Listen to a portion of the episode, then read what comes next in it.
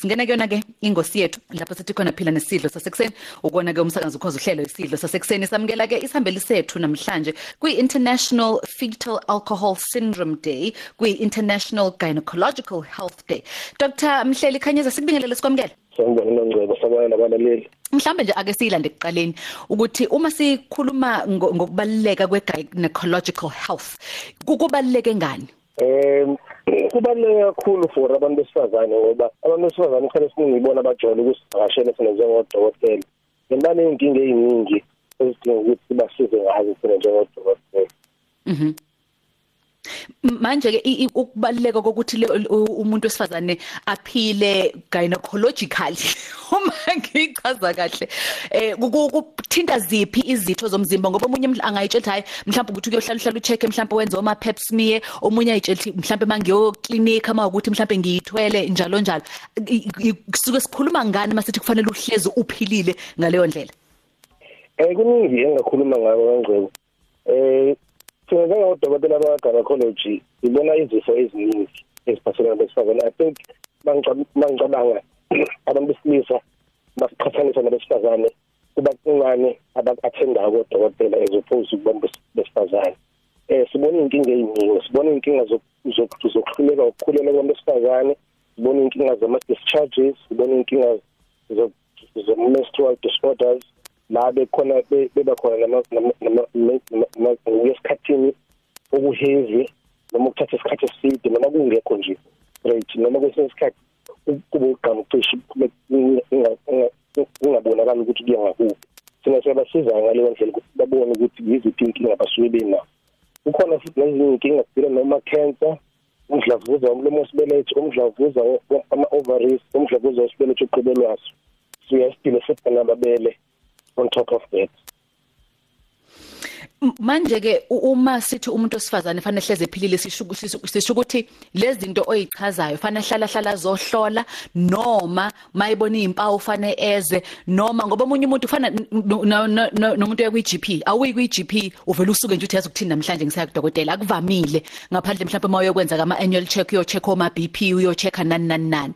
Le ye yegayini yona isebenza kanjani? Ufana uzusukume ngoba nakho konke khona noma mhlambe as umuntu wesimama efanele uyikalela isikhathi esithile ake ngihlale ngihlaleke ngiyibheka ukuthi ngisaphilani lapha ya eh umbuzo omuhle lo loncebo kodwa ke isikhathi esiningi ngoba thina sama gynecologists i department la specialize khona.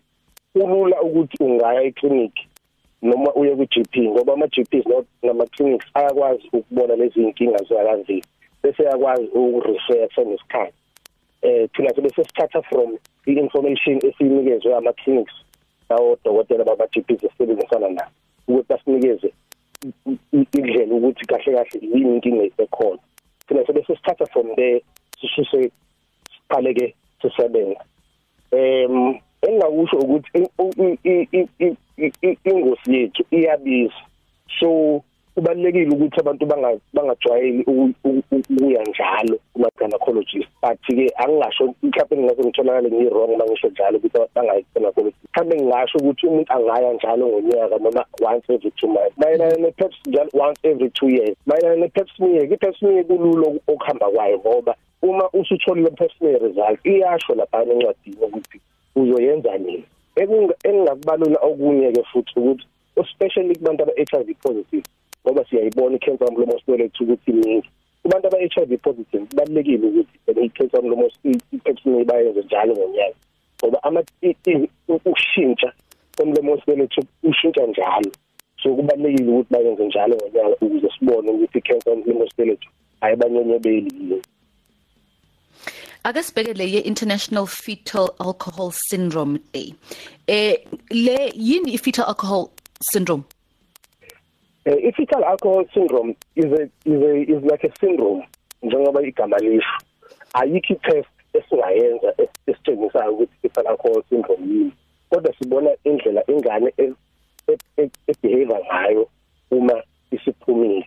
I-fetal alcohol syndrome ubuyikhumbula ukuthi iqala ingane esakhulelwe na ibuye itshengise yona imingane isizele ibibangwa yini? Idala ukuphuza kwamama ngenkathi esakhulelwe. Kodwa futhi isikhathi esiningi idalwa kakhulu umama ophuze ekuqaleni kwepregnancy especially ekuqaleni kwenyangeni zokuqala eziwu4 ekhulele kodwa ubukhumbuleke ukuthi ukukhula kwengqondo ekuyiyona indawo affecteka kakhulu uma ingane ne-fetal alcohol syndrome. Kudalwa ukuthi ingqondo iya ikhula njalo ikhula throughout the pregnancy. So ukukhuza kwamama at any time ingqondo kuyayilimaza. Bese ingane ekumayisikhula ke iba iba nalezi inkinga esiye siyibone kwi-fetal alcohol syndrome.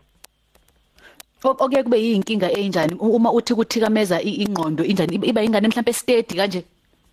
Kuba ingane eba nama problems uma sekuyiwa ekufundeni ibe ingane eba nama problems communicating noma ekuxhumaneni nabanye abantu. Kube ingane eba nenkinga ekuhambeni noma ekunyakazeni. So ngoba le i-fetal i-alcohol during pregnancy i-affecta ingqondo uqobo lwayo ize ize idale inkinga esikwazi ukuyibona ngisho nange-CT scan mase maseyihlola ingqondo yengane.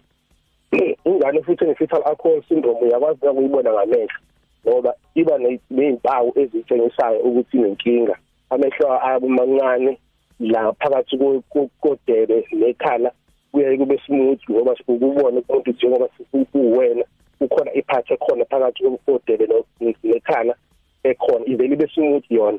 Bese nala phezulu kodebe kube kube thin kube kuncane usize wakhona so uyakwazi ukubona nge-fetal alcohol syndrome. Ngaphezulu kwalokho iba ney'nkinga zokukhula ibe ney'nkinga zokugain height ukukhula isize we-height ibe nenkinga yokugain isindo ingafani nezinye ingane Dr Khanyaza sibonga kakhulu ukuthi benathi kwanomsakazo because izinto ezifana nalezi zibalulekile sihlale hlale siyibheka sifundisana ngazo. Sibonga kakhulu ukuthi benathi besina ke uDr Mhleli Khanyaza gynecologist sibheka zona inkinga lento le ngoba uyazi le ndaba yokuvela kwethu njengeningizimu Afrika eyintweni ezingezinhle i World Health Organization ithi i-fetal alcohol syndrome.